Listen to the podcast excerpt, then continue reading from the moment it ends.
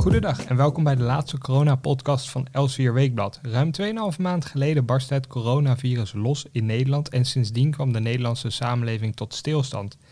Mijn naam is Victor Pak en samen met Marieke ten Katen, gezondheidsredacteur, kijk ik terug op het begin van de coronacrisis in Nederland en hoe de samenleving nu weer verder moet. Marieke, welkom. Dankjewel. Om bij het begin te beginnen, weet jij nog wanneer Elsevier Weekblad voor het eerst berichtte over het coronavirus? Uh, nee, eerlijk gezegd weet ik, weet ik dat niet. Ik, ik, weet wel dat ik het in ieder geval niet was. Uh, dat was volgens mij een collega. Sterker nog, het was een stagiair, uh, een zeer goede stagiair, die het er op 21 januari over had. En dat ging over China dat vreesde voor de doorgang van het Chinese nieuwjaar en de vieringen daarvan. Ik heb ook even opgezocht wanneer jij er voor het eerst over schreef. Dat was op 29 januari, een weekje later. Weet je nog waar dat over ging? ik, ik zou het moeten weten, vind ik zelf eigenlijk. Maar nee, ik, ik durf het niet te zeggen. Dat ging over de toen nog zeer beperkte informatie die we hadden over het virus. Onder andere wat het deed met de longen van patiënten. Um, en dat was vooral gebaseerd eigenlijk op wat het, wat het WHO toen wist. Um, als je daar zo op terugkijkt, wat denk je dan? Nou, ik kan me vooral het moment heel goed herinneren dat ik, dat ik er voor het eerst over ging schrijven. En dat was uh, uh, het moment dat uh, collega Bram Haan op een vrijdagmiddag tegen mij zei... wij zaten tegenover elkaar, of schuin tegenover elkaar. en toen zei hij, goh, wat doe je eigenlijk dit weekend? Heb je wat te doen? En toen voelde ik al een beetje aan van... oh, we moeten waarschijnlijk iets van een verhaal gaan schrijven dit weekend nog. en dat was dus het geval. En dat was in dit geval dus een, een eerste verhaal over, over het coronavirus. Um, ja, en sindsdien heb ik eigenlijk niet, niet meer over, uh, of bijna niet meer over andere dingen geschreven. Uh, dus, dus het begint al een beetje normaal te worden dat, uh, dat mijn portefeuille het coronavirus is op het moment. Toch duurde het nog heel lange tijd voordat het in Nederland losbarstte. Het werd 9 maart toen premier Mark Rutte samen met de toen nog voor vrijwel iedereen onbekende Jaap van Dissel een persconferentie gaf. Laten we daar even naar luisteren hoe dat toen klonk. Dit gaat echt nog wel enige tijd duren allemaal. En dan zullen we als land ons ook op moeten instellen dat het echt niet morgen voorbij is of overmorgen. Uiteraard denken we ook na over de economie. De buffers zijn goed gevuld. En ik noem ze toch nog een keer. Handen wassen. Veel vaker dan we dat gewend zijn te doen. In de elleboog niezen en papieren zaktoetjes gebruiken. We voegen nu toe, vanaf dit moment stoppen we met handen schudden. Dus u kunt voet zoenen, u kunt elleboog stoten, wat u ook wilt. Dit klinkt wel echt vrij kneuterig, hè? Ja, als je, als je dat nu zo, zo terugluistert, dan uh, uh, ja, kneuterig is misschien wel, wel het goede woord. Uh, ik, ik weet zelfs nog dat ik de dag na die persconferentie een, een interviewafspraak met iemand had. en die, die had ik in een restaurant ergens. Um, gewoon, gewoon een heel druk restaurant, zoals we dat vroeger wel kenden. Um, en nou ja, het was vrij duidelijk op dat moment ook van we geven elkaar geen hand bij het eerste contact. Maar ja, je, je, je zat gewoon tegenover elkaar aan tafel. Uh, uh, nou ja, dat was geen anderhalve meter, laat ik het zo zeggen. Uh, ja, dat is heel gek om daar nu op, op terug te kijken. Op dat soort nou ja, persconferenties, maar ook de ontmoetingen die je in die tijd nog, nog had. Het is voor ons natuurlijk makkelijk praten met de kennis van nu. Maar als je terugkijkt naar die periode, hoe kijk jij dan terug naar de aanpak ervan in die fase? Nou ja, het, het is denk ik um, gewoon door heel veel mensen onderschat. En je, je zag dat natuurlijk in eerste instantie ook gebeuren na, na die persconferentie van dat geen handen schudden. Ja, er, er werden gewoon ontzettend veel grapjes over gemaakt. Uh, en, en niet iedereen nam alles even serieus. Um, en, en het verwijt is nu natuurlijk een beetje achteraf van, van een, uh, vanuit een aantal hoeken van we hebben veel te laat gereageerd. Nou ja, dat, ja dat, dat zou je kunnen zeggen, maar dat is wel met de kennis achteraf. Um, en het, het is gewoon heel lastig bij zo'n nieuw onbekend virus. Uh, ja, het is wel vaker gebeurd dat, dat zo'n virus in bijvoorbeeld China uh, uh, rondwoedt. En dat, er, dat we uiteindelijk in, in Nederland daar helemaal geen last van hebben. Omdat dat nou ja, niet zo besmettelijk is. Of omdat simpelweg die, die mensen toevallig niet naar Nederland komen. Dus um, als je nu terug gaat kijken en een soort reconstructie zou maken, dan zou je misschien zeggen van nou ja, dit, dit was een moment geweest dat we al heel veel strenger of heel veel uh, striktere maatregelen hadden moeten nemen. Maar ja, de, uh, als je dat iedere keer doet op het moment dat dat soort alarmerende berichten uit China komen, dan, uh, dan zit je misschien ieder jaar of ieder half jaar wel in een, in een lockdown. En dat is natuurlijk ook niet wat je wil. Dus, dus dat is heel lang vooruitgeschoven om, om ook te voorkomen dat, nou ja, dat de economie onderuit gaat. Wel was er toen nog de gedachte, onder andere bij het RIVM, dat Nederland eigenlijk heel goed voorbereid was op dit soort uh, pandemieën eigenlijk. Dat we zouden weten wat we moesten doen en dat de samenleving daar ook ja, wel goed mee om kan gaan. Dat is toch niet helemaal realiteit gebleken.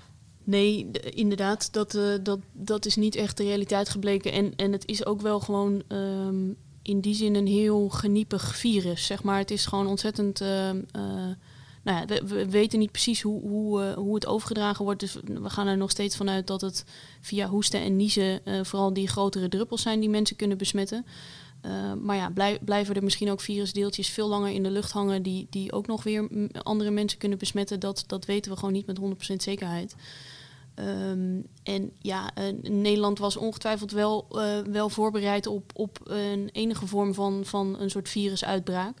Maar echt zo'n pandemie zoals we nu zien, ja, ik, ik denk dat uh, geen enkel land daar echt rekening mee heeft gehouden.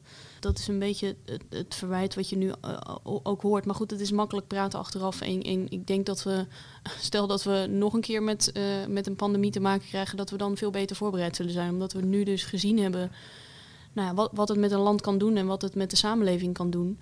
En, en ook wel belangrijk vind ik is dat je in het begin ook wel zag dat, dat uh, nou ja, bijvoorbeeld in een Zuid-Korea of in een China was, was er ook vanuit de, de samenleving vrij snel een reactie van oh jee, er zijn een paar verdachte gevallen van, van rare longontstekingen. En dat is in dat soort landen gewoon al een dan zit iedereen in, in, de, uh, in de pandemiestand. Zeg maar in de zin van dat ze vaker met grote virusuitbraken te maken hebben gehad daar. En dat zag je natuurlijk hier in Nederland. Ja, wij kennen dit soort uitbraken helemaal niet. Dus, dus ook. Ja, dan, dan had de overheid misschien nog wel bijvoorbeeld een carnaval kunnen aflassen. Maar ja, de vraag is hoe groot het draagvlak voor dat soort beslissingen ook was geweest op dat moment. De Nederlandse samenleving had eigenlijk geen enkele ervaring meer met wat een pandemie is of wat een zeer dodelijk griepvirus is. Nee, en dat, dat zie je nu natuurlijk ook wel gebeuren dat het, het begrip voor de, voor de huidige maatregelen neemt volgens mij ook wat af. Um, en dat is, ja, dat is toch ook gewoon, uh, mensen willen, willen weer terug naar normaal. Maar ja, de, terug naar normaal, dat, dat kan voorlopig nog even niet. Uh, maar, maar dat is voor heel veel mensen toch moeilijk om dat te accepteren.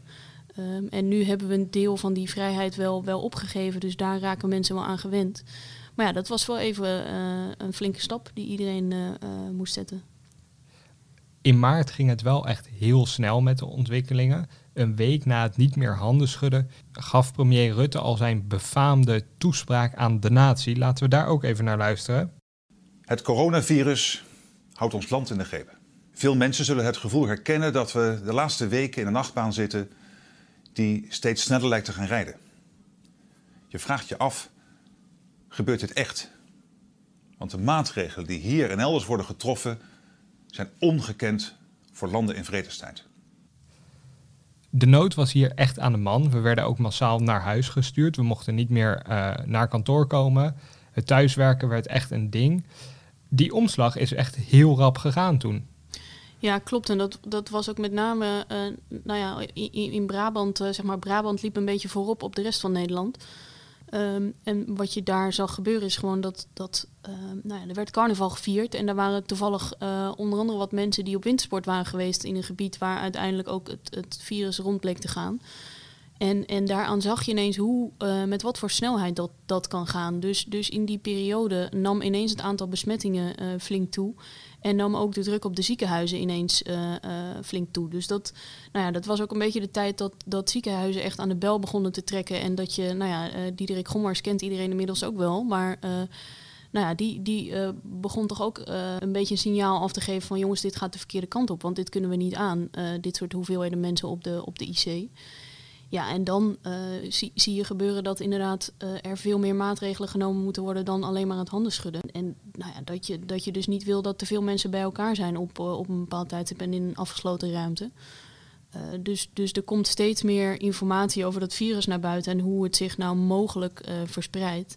Ja, en dan zie je de, die maatregelen dat die strikter worden. In die periode heb je ook geregeld contact gehad met een longarts. Hoe heeft hij die, die crisisfase ervaren? Nou, het bijzondere was dat ik hem, ik heb hem één keer gebeld. Um, gewoon uh, eerst als uh, even kennismakingsgesprek. En um, dat heb ik dus ook allemaal niet gebruikt voor een interview. Maar toen nou ja, viel het mij op dat hij nog heel rustig was. hij is longarts in een ziekenhuis in Haarlem. Dus dat, nou ja, niet, niet Brabant, zeg maar, niet, niet de grootste brandhaard. Ehm, en in dat eerste gesprek werd ik eigenlijk enorm gerustgesteld door hem. Van nou ja, we zijn hartstikke goed voorbereid en, en uh, we hebben de IC uh, kunnen we opschalen. En uh, nou ja, laat maar komen die golf, zeg maar. Dat, ehm, nou ja, daar zat hij heel rustig in. En de, de keer daarna sprak ik hem, ik denk dat daar ongeveer een week tussen zat. Um, en toen zag, begon je ook in Haarlem zeg maar, te zien dat er meer druk op de ziekenhuizen kwam. En nou ja, toen merkte ik aan hem dat hij, uh, nou ja, dat, gewoon het feit dat, dat het ziekenhuis ineens, dat er heel veel patiënten voor, voor de deur staan, dat, dat, daar werd hij wat onrustig van. En ook um, dat hij de eerste patiënten met corona had gezien, de ernstige patiënten. En daar schrok hij toch ook wel heel erg van. Hij had natuurlijk ook wel de verhalen gehoord van zijn collega's in, in Brabant. Maar nou ja, dat viel me echt op dat hij, dat hij door het zien van, van de patiënten en wat, wat zo'n virus met iemand kan doen, dat, ja, ik, ik was na dat tweede telefoongesprek uh, ging ik wat minder rustig slapen, zeg maar. En waar was hij dan zo van geschrokken dat jou ook uiteindelijk zo ongerust maakte? Nou, wat, wat mij vooral wel een beetje raakte was gewoon, kijk, uh, um, we hebben natuurlijk heel veel verhalen gelezen van, van hoe het er op de IC aan toe ging. En um, nou, daarvan zeggen ook wel een aantal specialisten van, oké, ja, dit is wel on, gewoon ons werk. Zeg maar, de, wij zien ernstig zieke patiënten en, en dat is voor de buitenwereld misschien eng om dat te zien, hoe dat eraan toe gaat, of te horen hoe dat eraan toe gaat. Uh, maar ja, dit zijn we gewend. Uh, maar wat je toch wel, en dat zie je ook wel in, in heel wat interviews met IC-artsen of IC-verpleegkundigen, dat ook dit voor heel veel artsen toch heel indrukwekkend was. Dat je uh, patiënten ineens heel snel achteruit kunt zien gaan of, of naar, naar adem ziet happen en dat ze ineens aan de, aan de beademing moeten. Uh, dat, dat vond ik gewoon wel heel um, confronterend om te horen. Dat je dus over het algemeen zijn artsen heel goed in staat om, om naar de buitenwereld te doen alsof er helemaal niks aan de hand is. Uh, ik, ik kan mezelf nog herinneren van mijn studietijd dat ik een keer op de eerste hulp in een ziekenhuis mocht meekijken. En voor mijn gevoel was er niks aan de hand. En op een gegeven moment werd ik even weggeroepen van zullen we even koffie gaan drinken. En toen bleek dat het dus helemaal de verkeerde kant op ging met de man die daar op tafel lag. Maar dat merk je niet aan die artsen die daar om tafel staan. En, en dat vond ik nu toch dat je dat wel bij veel mensen terug hoorde, ook bij de IC-artsen. Van ja, dit, dit zijn wel echt patiënten die zo ziek zijn, dat, dat zien wij ook niet vaak. In die crisisfase vreesden we op een gegeven moment allemaal dat code zwart uh, van stal zou worden gehaald, uh, waarbij er nog veel ingrijpendere beslissingen moesten worden genomen over wie er wel en niet naar de IC kwam. Zover is het uiteindelijk nooit gekomen. Nee, en, en dat, dat heeft veel mensen toch wel een beetje verbaasd, denk ik. Omdat je in, in, uh, op een gegeven moment zag je toch die angst wel toenemen. Van, um, nou ja, dat dat toch zou gaan gebeuren. Ook bij die Diederik Gommers van de IC-vereniging. Ja, die, uh, die, die, die gaf ook zelf toe dat hij daar wel eens een traantje om gelaten had in, in de auto naar huis. Um, en nou ja, het is natuurlijk hartstikke fijn dat, dat we daar niet over hebben na hoeven denken.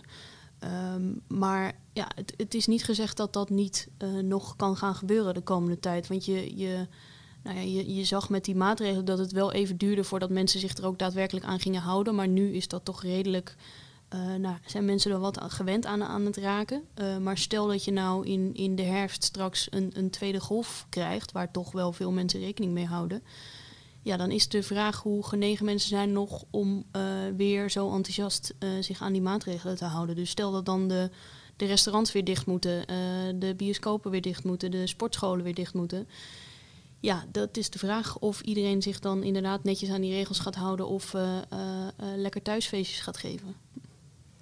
En terwijl wij allemaal vreesden voor code zwart op de intensive cares, kunnen we dan zeggen dat dat scenario zich wel degelijk heeft afgespeeld, maar dan in de verpleeghuizen?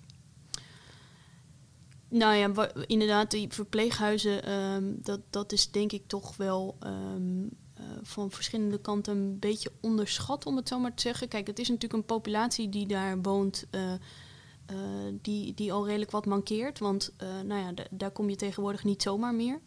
Uh, dus de levensverwachting van de mensen die daar zitten, die, die is al niet uh, uh, heel lang. Um, maar ja, je, je zag in het begin gebeuren dat, dat de ziekenhuizen heel veel aandacht kregen. En dat is in zekere zin logisch, want, want in het ziekenhuis liggen of komen patiënten die misschien een net iets rooskleuriger vooruitzicht hebben dan de mensen die in een verpleeghuis liggen. Dus nou, met name met de mondkapjes zag je het gebeuren dat, uh, dat daar voor de ziekenhuizen heel veel aandacht voor was. En dat in die verpleeghuizen lang niet altijd de goede beschermingsmaterialen beschikbaar waren. Uh, maar daar wordt nu ook nog heel, gewoon onderzoek naar gedaan van hoe die uitbraken in verpleeghuizen nou precies zo, zo groot hebben kunnen worden. Um, maar ja, je moet je daarbij wel realiseren dat het gewoon een enorm kwetsbare groep is. Dus, dus um, nou ja, de, de mensen die daar zitten, die, die uh, kunnen gewoon ook heel snel uh, zo'n virus oplopen en daar ernstig ziek van worden. Inmiddels zijn we in een andere fase aanbeland van de strijd tegen het coronavirus. De fase van versoepelingen. Laten we even luisteren naar wat premier Rutte en minister van Volksgezondheid Hugo de Jonge daarover te zeggen hebben. Dat versoepeling van de maatregelen het feitelijk nog belangrijker maakt dat we ons aan de regels houden. Want we weten dat het virus snel kan oplieren. En daarom is het zo belangrijk dat we vanaf juni, we streven nog steeds naar 1 juni, iedereen met klachten gaan testen. Testen, traceren, isoleren en rapporteren. Dat is cruciaal. Als we kijken waar we nu staan, dan gaan scholen weer open, musea, bioscopen en iets later, uh, vanaf 1 juli, ook weer de sportscholen. Kunnen we al zeggen dat het leven weer iets terugkeert naar wat het was van voor het coronavirus? Ja, en dat is ook een beetje een, antwoord op de, op de roep vanuit de samenleving. Omdat er natuurlijk, nou ja, in het begin was er redelijk veel begrip, maar dat, dat neemt gewoon uh, gestaag af. En, en je ziet dat mensen gewoon weer, weer wat dingen willen. Um, maar ja, de, dat heeft uh, Rutte ook wel een paar keer benadrukt. Van ja, het, het blijft, we, we weten niet zeker of dit, of dit allemaal kan. En of dat niet tot meer besmettingen leidt. Dus, dus dat, die, die getallen worden allemaal heel goed in de gaten gehouden. En in die zin is het ook goed nieuws dat we nu op veel grotere schaal mensen kunnen gaan testen. Uh, dat je nou ja, goed in beeld krijgt wat het effect van die maatregelen is. Want in het begin was het een beetje sturen op de capaciteit in de ziekenhuizen. Maar ja, dat is eigenlijk al veel te laat. Want, want daar zit ongeveer een vertraging van twee weken in. Zeg maar twee weken geleden zijn die patiënten dan vaak uh, al besmet. Uh, als, ze, als ze op de IC belanden.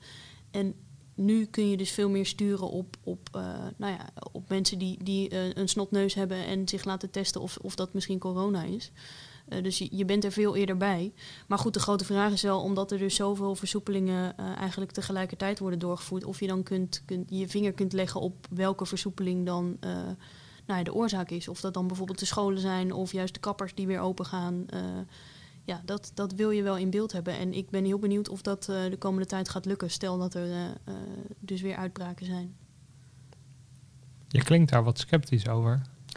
Nou ja, ik, kijk, ik, ik snap wel de, de wens vanuit de samenleving om weer wat dingen te mogen. Um, maar ik moet zelf zeggen dat ik.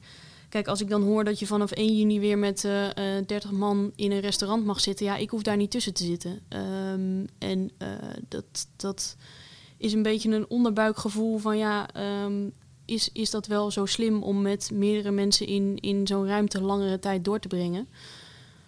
Um, en ook, nou ja, wij, wij zitten hier nu in een studio, maar ook met het werken op kantoor. Uh, nou ja, ik, ik uh, heb e-, eens in de week een gesprek met uh, nou ja, onder andere wat mensen van pers personeelszaken hierover. Van wat, wat voor maatregelen moeten we nu nemen en, en wanneer kunnen mensen terugkomen dat ik daar ook heb gezegd van ja, misschien uh, moeten we maar gewoon een, een, datum vrij ver in de toekomst noemen dat mensen gewoon in principe thuis werken. Want ja, het lijkt er toch op dat dit soort um, plekken, uh, zeg maar afgesloten ruimtes waar mensen langere tijd samen doorbrengen, dat dat toch een flink risico geeft op, op besmettingen. Dus ja, dat, ik, ik hoef daar niet, zeg maar, ik hoef niet in een restaurant te zitten. En dat is ook absoluut niet hetgene wat ik het meest heb gemist de, de afgelopen maanden. Uh, dus ik zal niet uh, vooraan in de rij staan uh, bij een restaurant de komende tijd. Als we dan tot slot naar de toekomst kijken, gaat dit dan een soort scheidslijn zijn tussen een voor- en na corona, bijvoorbeeld als het over thuiswerken gaat? Um. Ik, ja, ik, ik, moet zeggen dat ik qua, qua thuiswerken hoop ik het wel, want, want mij bevalt het wel. Ehm, maar goed, dat zal voor, voor andere mensen misschien anders zijn. Uh, en ik, ik denk wel dat je, nou ja, ik, ik hoor ook van mensen in mijn omgeving dat er uh, in sommige bedrijven gewoon al besloten wordt om eh, dit het nieuwe normaal te laten worden. Dus dat je in principe gewoon thuis werkt en misschien af en toe voor een vergadering eh, nog naar kantoor kunt komen. Of, of bijvoorbeeld één vaste dag in de week. Maar het, het vijf dagen in de week naar een kantoorpand komen, zoals wij natuurlijk ook tot voor kort gedaan hebben. Ja, ik, ik zie dat niet helemaal weer terugkomen, eerlijk gezegd. Um, maar goed, dat zal ook per bedrijf uh, verschillen. Want er zijn natuurlijk gewoon werkzaamheden die je niet, uh, die je niet thuis kunt doen. Maar ja, zo, zoals wij uh, zo'n saaie kantoorbaan, zeg maar, dat, dat kun je natuurlijk thuis aan je, aan je bureautje ook doen. Dus dat, ja, daar, daar denk ik dat er wel echt iets in verandert de komende tijd. Zou de pre-corona samenleving zoals we die kennen nog terug gaan keren als er bijvoorbeeld een vaccin komt? Of is dat dan ja, dat vind ik echt moeilijk te zeggen. En je, uh, ik ben daar wel uh, optimistisch over in die zin dat je, dat je toch wel ziet dat er uh, nou dat veel mensen zich realiseren dat er dingen efficiënter kunnen. Bijvoorbeeld met het thuiswerken, dat je ook mensen veel reistijd kunt, kunt besparen. Um, maar ja, er zijn ook genoeg mensen die zeggen, nou ja, als er eenmaal een vaccin is, dan vallen we heel snel weer terug in onze oude gewoontes. Um, ja, ik ben heel benieuwd. Ik, ik, als wij weer gevraagd worden vijf dagen uh, per week naar kantoor te komen, dan, uh, dan wil ik daar nog wel even een discussie over voeren, denk ik.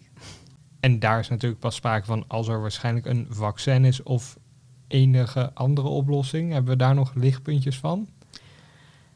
Nee, ja, nou ja, er wordt natuurlijk ontzettend veel onderzoek gedaan naar en een vaccin en een, en een medicijn. En, en er zijn ook een aantal andere uh, technieken die worden onderzocht. Dus bijvoorbeeld voor, voor uh, het blad van aankomende week heb ik een verhaal, ben ik bezig met een verhaal over uh, UV-licht en, en nou, desinfecteren met UV-licht. Dus, dus dat wordt in enkele ziekenhuizen al gebruikt om bijvoorbeeld medische apparaten of medische spulletjes zeg maar, te, te ontsmetten.